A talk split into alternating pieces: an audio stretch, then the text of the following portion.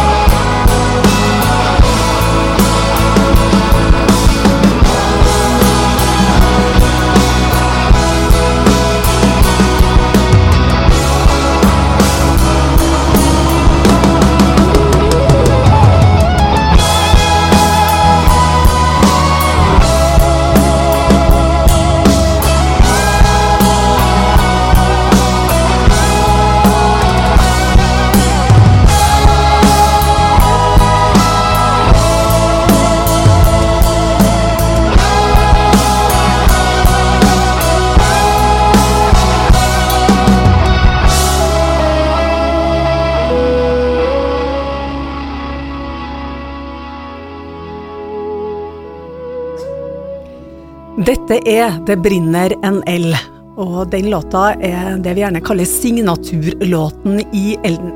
Musikk og manus er skrevet av Arnfinn Strømvold og Bertil Reithaug. Arnfinn, velkommen. Du, hva er bakgrunnen for at Elden ble satt opp første gangen i 1994 på Sleggehaugan? Da må vi tilbake til første gangen i 1980 først. Ja. Og da vi, var vi ferdig med 70-tallet, og det var Bertil sitt og mitt tiår. Ja, og da var Jesus Christ Superstar, du vet, det store. Ja. Og da satt vi i bilen fra Hamar til Røros. Og Emilia Tynstedt og Tolga så holdt vi på å spekulere på vi må lage noe lignende, vi òg. Og da vet ikke, ingen av oss som vet hvem som tok tak i karolinerne. Men jeg har lyst til å kaste den ballen til Bertil Reitau, jeg. For jeg, han var litt mer interessert i den lokalhistoria den gangen enn ikke jeg var. Jeg var mer eh, langt ute i verden, jeg. Og så eh, kom vi hjem til Røros, og den kvelden der så ble Brinner en L skrevet, faktisk. Og det var i 1979, høsten 79.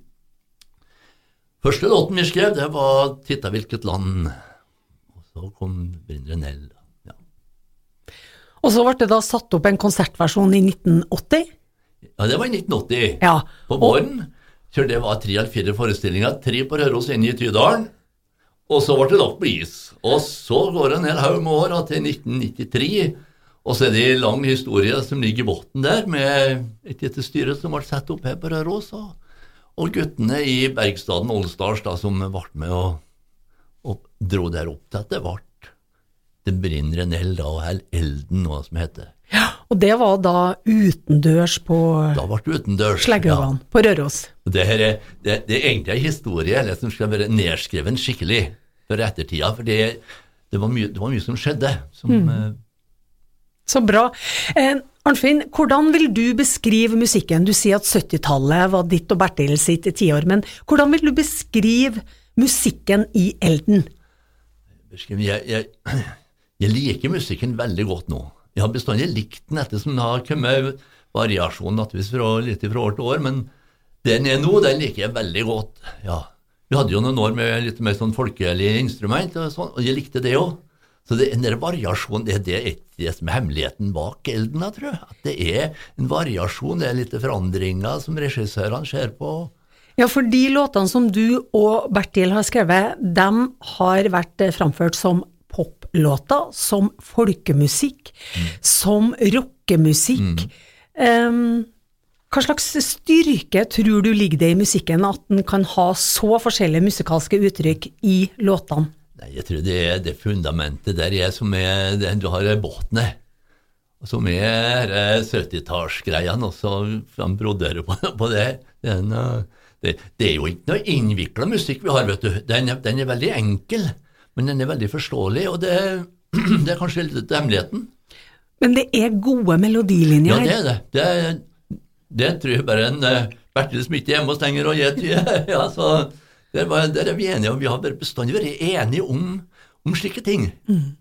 Hvis han, eh, han har noen sendt tekster til han, og han setter melodisett, og jeg har fått at liksom, ja, Noen gnisninger har det vært, naturligvis, det skulle bare mangle, men i store og hele så har vi vært veldig enige, da.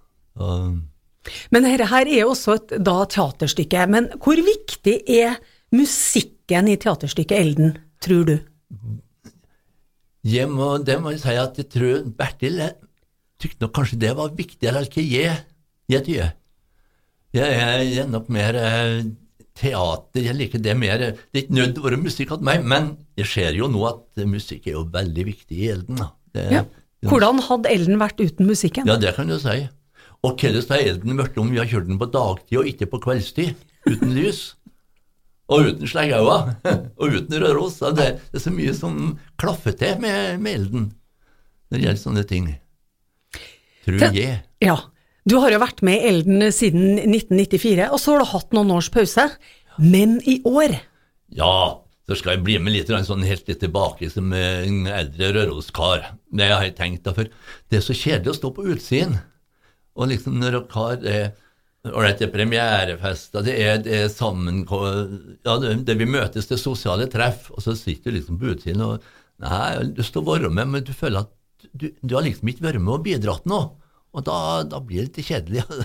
Du føler at du har ikke noe der å gjøre. Ja, Høres kanskje rart ut eh, å si det, men det, det er sånn du føler. Vi gleder oss til å se deg igjen i sommer. Jeg gleder meg til å se dere, da. Jeg kan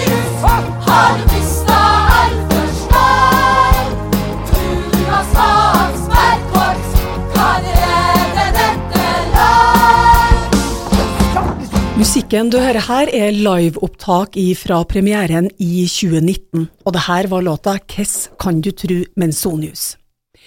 Elden har hatt mange regissører gjennom tidene. Rulle Smith, Marit Moum Aune, Leif Stinnebom, Paul Ottar Haga, og siden 2018 har eh, Katrine Telle hatt regien. Og i år er det nettopp det siste året til Telle og hennes kunstneriske team.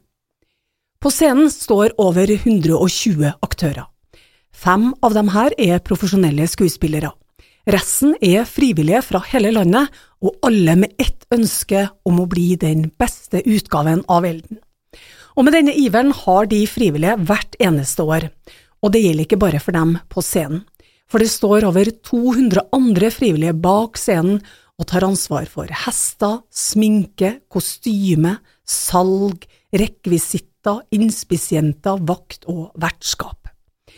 Vi har òg et band med seks profesjonelle musikere og et stort teknisk apparat som håndterer lys og lyd, slik at du som publikummer skal få den beste og mest spektakulære utendørs teateropplevelsen. Så makteslaus, snart tom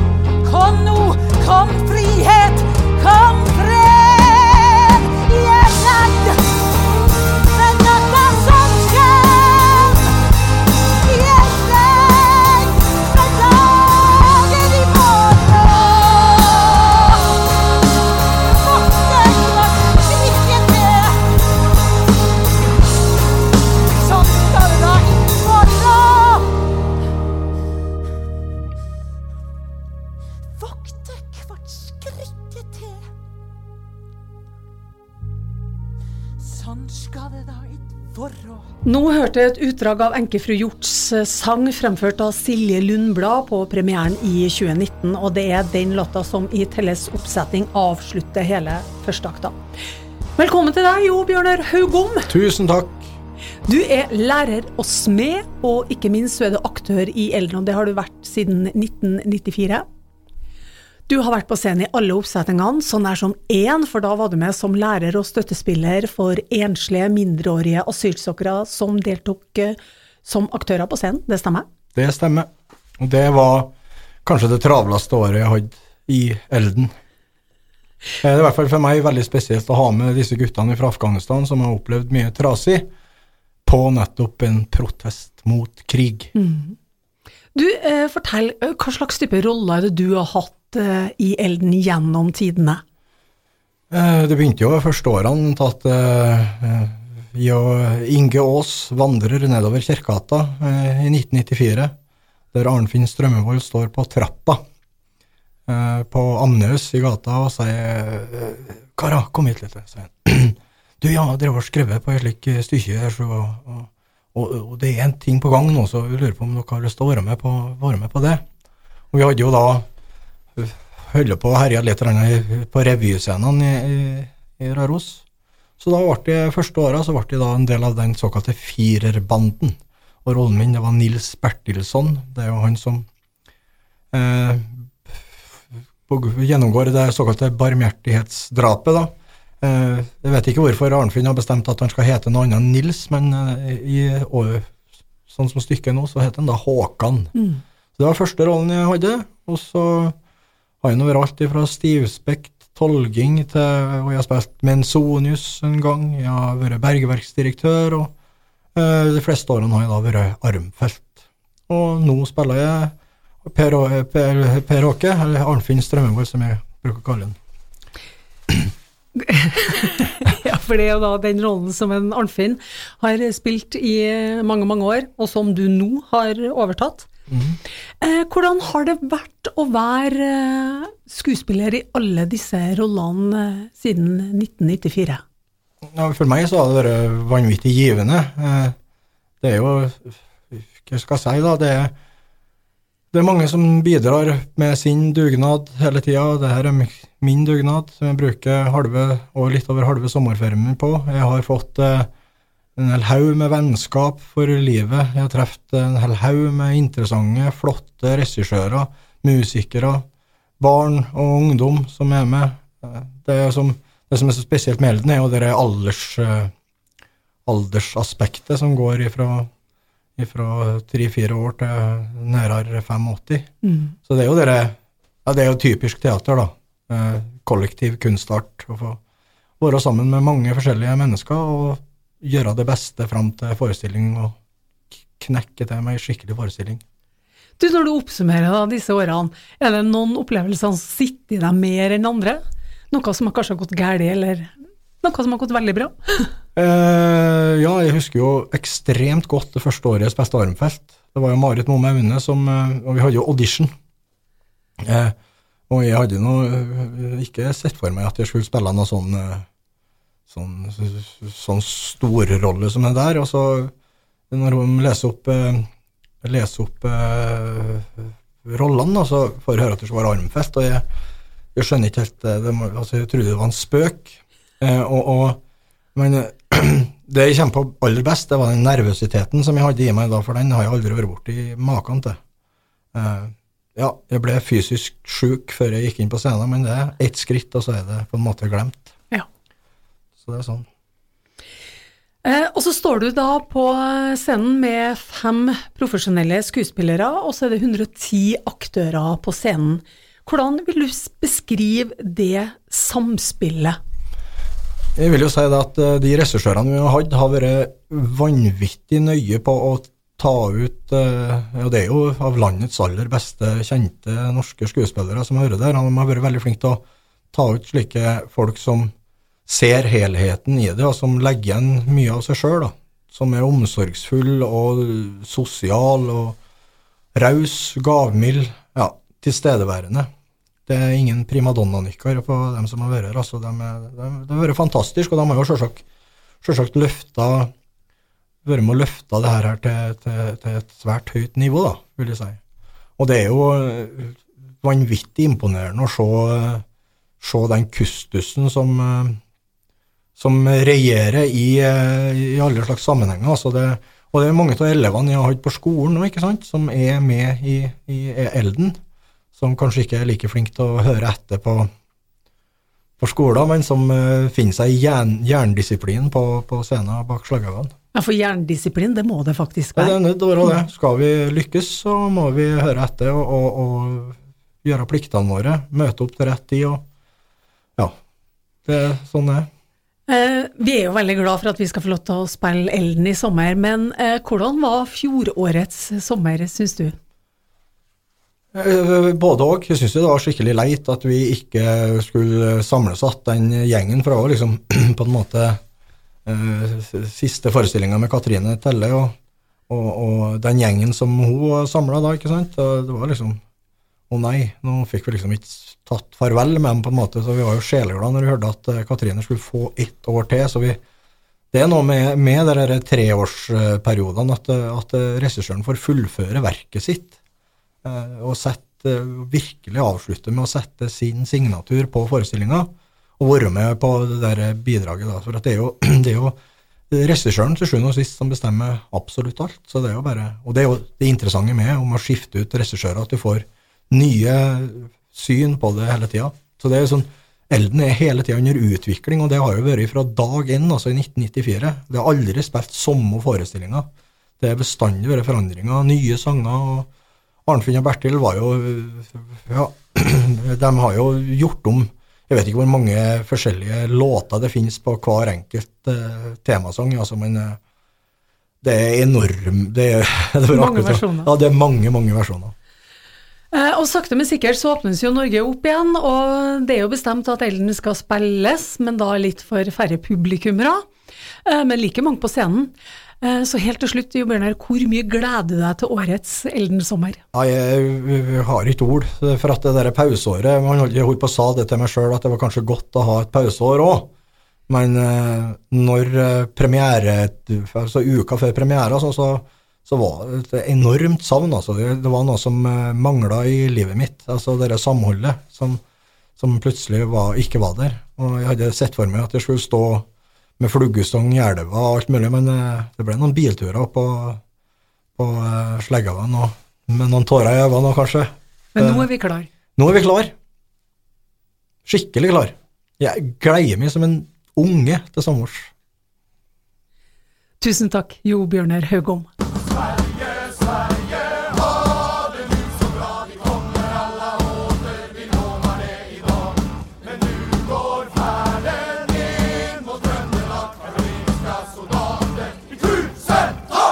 Elden kalles et historisk musikkteater, men hva skjedde egentlig i Trøndelag og på Røros i 1718 og 1719? Det skal vi få svar på når eh, historiker og konservator ved Rørosmuseet Erik eh, Roll skal fortelle oss litt om det, og ikke minst du også er gitarist i Elden. Det stemmer det. Velkommen. Takk for det. Ja, du, hva skjedde egentlig i Norge?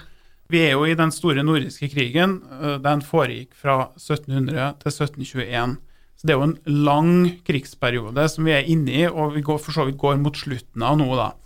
Og det som skjer i 1718, det er jo at den svenske kong Karl 12. han leder sjøl et angrep sør i Norge. Og samtidig så går jo da general Carl Gustaf Armfeldt inn i Norge ved Meråker. Han har en styrke på 10 000 mann, og målet hans er jo da å erobre Trondheim. Eh, armeen til en armfelt, de hadde nesten 7000 hester. De hadde 2500 levende slaktedyr med seg. De hadde prester, feltskjærere, dyrepassere, veivisere. De hadde til og med sin egen feltbøddel med seg. Og angrepsveien den gikk gjennom Verdalen. Og der tok jo svenskene raskt både Stene og Skåne skanser, og det var i september 1718. Men etter det så møter dette felttoget store problemer. Uh, Arnfeldt velger jo å gå gjennom et uh, vanskelig terreng og for å unngå at, uh, for å unngå de norske forsvarsstyrkene. De møter regn, de, det er dårlige veier, og, og det gjør at det blir vanskelig å få frem forsyninger fra Sverige. Kornåkrene i Trøndelag de eh, lå flat av regn og med lite og umodent korn, og sykdommer spredde seg lett under sånne forhold. Eh, når eh, armeen når Trondheim den 17. november 1718, så var eh, styrkene antageligvis allerede halvert og utgjorde neppe mer enn 5000 mann. Og det kom jo aldri til et svensk angrep på Trondheim. Eh, og det finnes ikke noe, egentlig noen sikre kilder som sier hva Arnfeldt tenkte. Men det vi vet, er at i stedet for å angripe Trondheim, så ble soldatene beordra til å marsjere sørover. Så ferden gikk mot Støren og videre oppover eh, mot Haltdalen. Eh, og så har vi da den her nestkommanderende i felttoget. Han heter generalmajor de la Barre, og han ville sikre seg verdiene som fantes ved bergverkene på Kvikne og på Røros. Han gikk mot Kvikne med sin egen da kavaleriavdeling på 350 mann. Og på Kvikne så beslagla han store mengder kobber, proviant og ammunisjon. Og den 21. desember i 1718 så ankommer da de la Barre Røros. Røros lå ubeskytta fordi at eh, kapteinen i det som var det lokale forsvaret, bergkorpset, han hadde valgt å gå mot Haltdalen for å møte Arnfeldt sine styrker der. Og han hadde også da beordra at den derre Korthaugen skanse, som er en del av spelplassen i dag, eh, skulle brennes da for å forhindre at svenskene fikk tak i de forsyningene som var der. Eh, I et brev til verksdirektøren eh, Bergman, som er datert den 22.9, så krever han eh, de la Barre å få en oversikt over verkets beholdning av kobber, penger og proviant. Om direktøren nekta å samarbeide, så ville Røros da bli brent, står det i det brevet. Og verksdirektøren han velger jo å samarbeide og utleverte verkets våpen og noe kobber. Eh, og han de la Barre ble da på Røros i de neste to ukene. Det var sprengkaldt, eh, og svenskene ble innkvartert eh, rundt omkring hos eh, rørosingene. Og etter hvert så kom jo flere andre høyoffiserer til Røros. Og Bergstaden Røros var jo planlagt sånn at de fleste gårdene på plassen her kunne ta imot og, og huse losjerende færasfolk, og hadde også stallplass til kjøredyrene deres. Så her lå det jo på en måte til rette. Og så viste det seg jo da at kobberverket hadde gjemt unna store mengder kobber i ei sjakt på Storvars gruve før De la Barre kom til Røros. Eh, og det her fant jo De la Barre ut av, og den 3. januar i 1719 så måtte altså da kobberverket lense den her sjakta fri for vann og overlevere de nærmere 3000 kiloene med kobber som var gjemt unna der. Og det ble jo da frakta over til Gjevle i Sverige via Herjedalen. Og så skjedde jo det da at den 5. januar så kom jo nære meldinga om at Karl 12. hadde falt ved Fredrikshall festning, og alle svenske tropper fikk ordre om å trekke seg tilbake. Og eh, sine tropper de dro jo fra Haltdalen over eh, Tydalsfjella, og ja, resten av historien den kjenner vi jo. Men, og da må jeg jo spørre deg, du som er historiker og har vært med i Gjelden, hvor mye eh, er det som da er historisk eh, korrekt når du ser på teateroppsetninga av Elden? Altså, jeg har jo inntrykk av at uh, Arnfinn og Bertil, når de skrev stykket, så har de jo virkelig satt seg veldig godt inn i det som finnes av litteratur på, eh, på den historien her. Altså, så det er jo liksom, De store trekkene er jo eh, Ja, det, det, det er ganske sånn historisk korrekt. Da er det mer sånn på det, på det mikronivået. Sant? Det som foregår inne på, på, Røros, og det folk snakker om og tenker og sånne ting, det kan vi jo på en måte ikke vite noe om. Men, men de store linjene er jo, er jo sånn som det er gjengitt i, i de store historieverkene som vi har om Røros og Røros-historien. Eh, Men du da, som historiker, da, eh, hvis du kan avsløre litt for oss eh, sånn, de kunstneriske frihetene som stykket har tatt seg, da, som kanskje ikke er helt politisk eller historisk korrekt? Nei, altså, Det er vanskelig å si, men jeg, jeg tror jo Blant annet så har jo han har jo han Bergverksdirektøren har jo blitt framstilt som sånn komisk skikkelse, selvfølgelig. Og, sånn, og det er jo fordi at vi vet jo at han døde jo ganske fort etter hendelsene der. Han fikk jo noe hjertetilfelle. Så, så, så, det er jo en sånn ting som selvfølgelig Det, det har man jo brukt. sant? Det har gjort noe sånn komisk ut av det. Og så har du selvfølgelig det her med det, det kvinnfolkene som sørger for å gjemme unna kobber og sånne ting. Det, det må jo kunne sies å være en eh, kunstnerisk eh, frihet. Det vil jeg jo tro. For at samfunnet var jo sånn den gangen at det var jo, det var jo stort sett mannfolkene som, som ordna opp i business, for å si det sånn. Mm. Tusen takk til Erik Roll, gitarist i Elden. Og ikke minst tusen takk til deg som hørte på denne podkasten. Mer om Elden finner du på elden-roros.no. Og ny podkast kommer i neste måned. Da skal du få treffe noen av barna som er med i Elden, og ikke minst regissøren for Elden-utgaven 2021. Vi har vært her i vekk.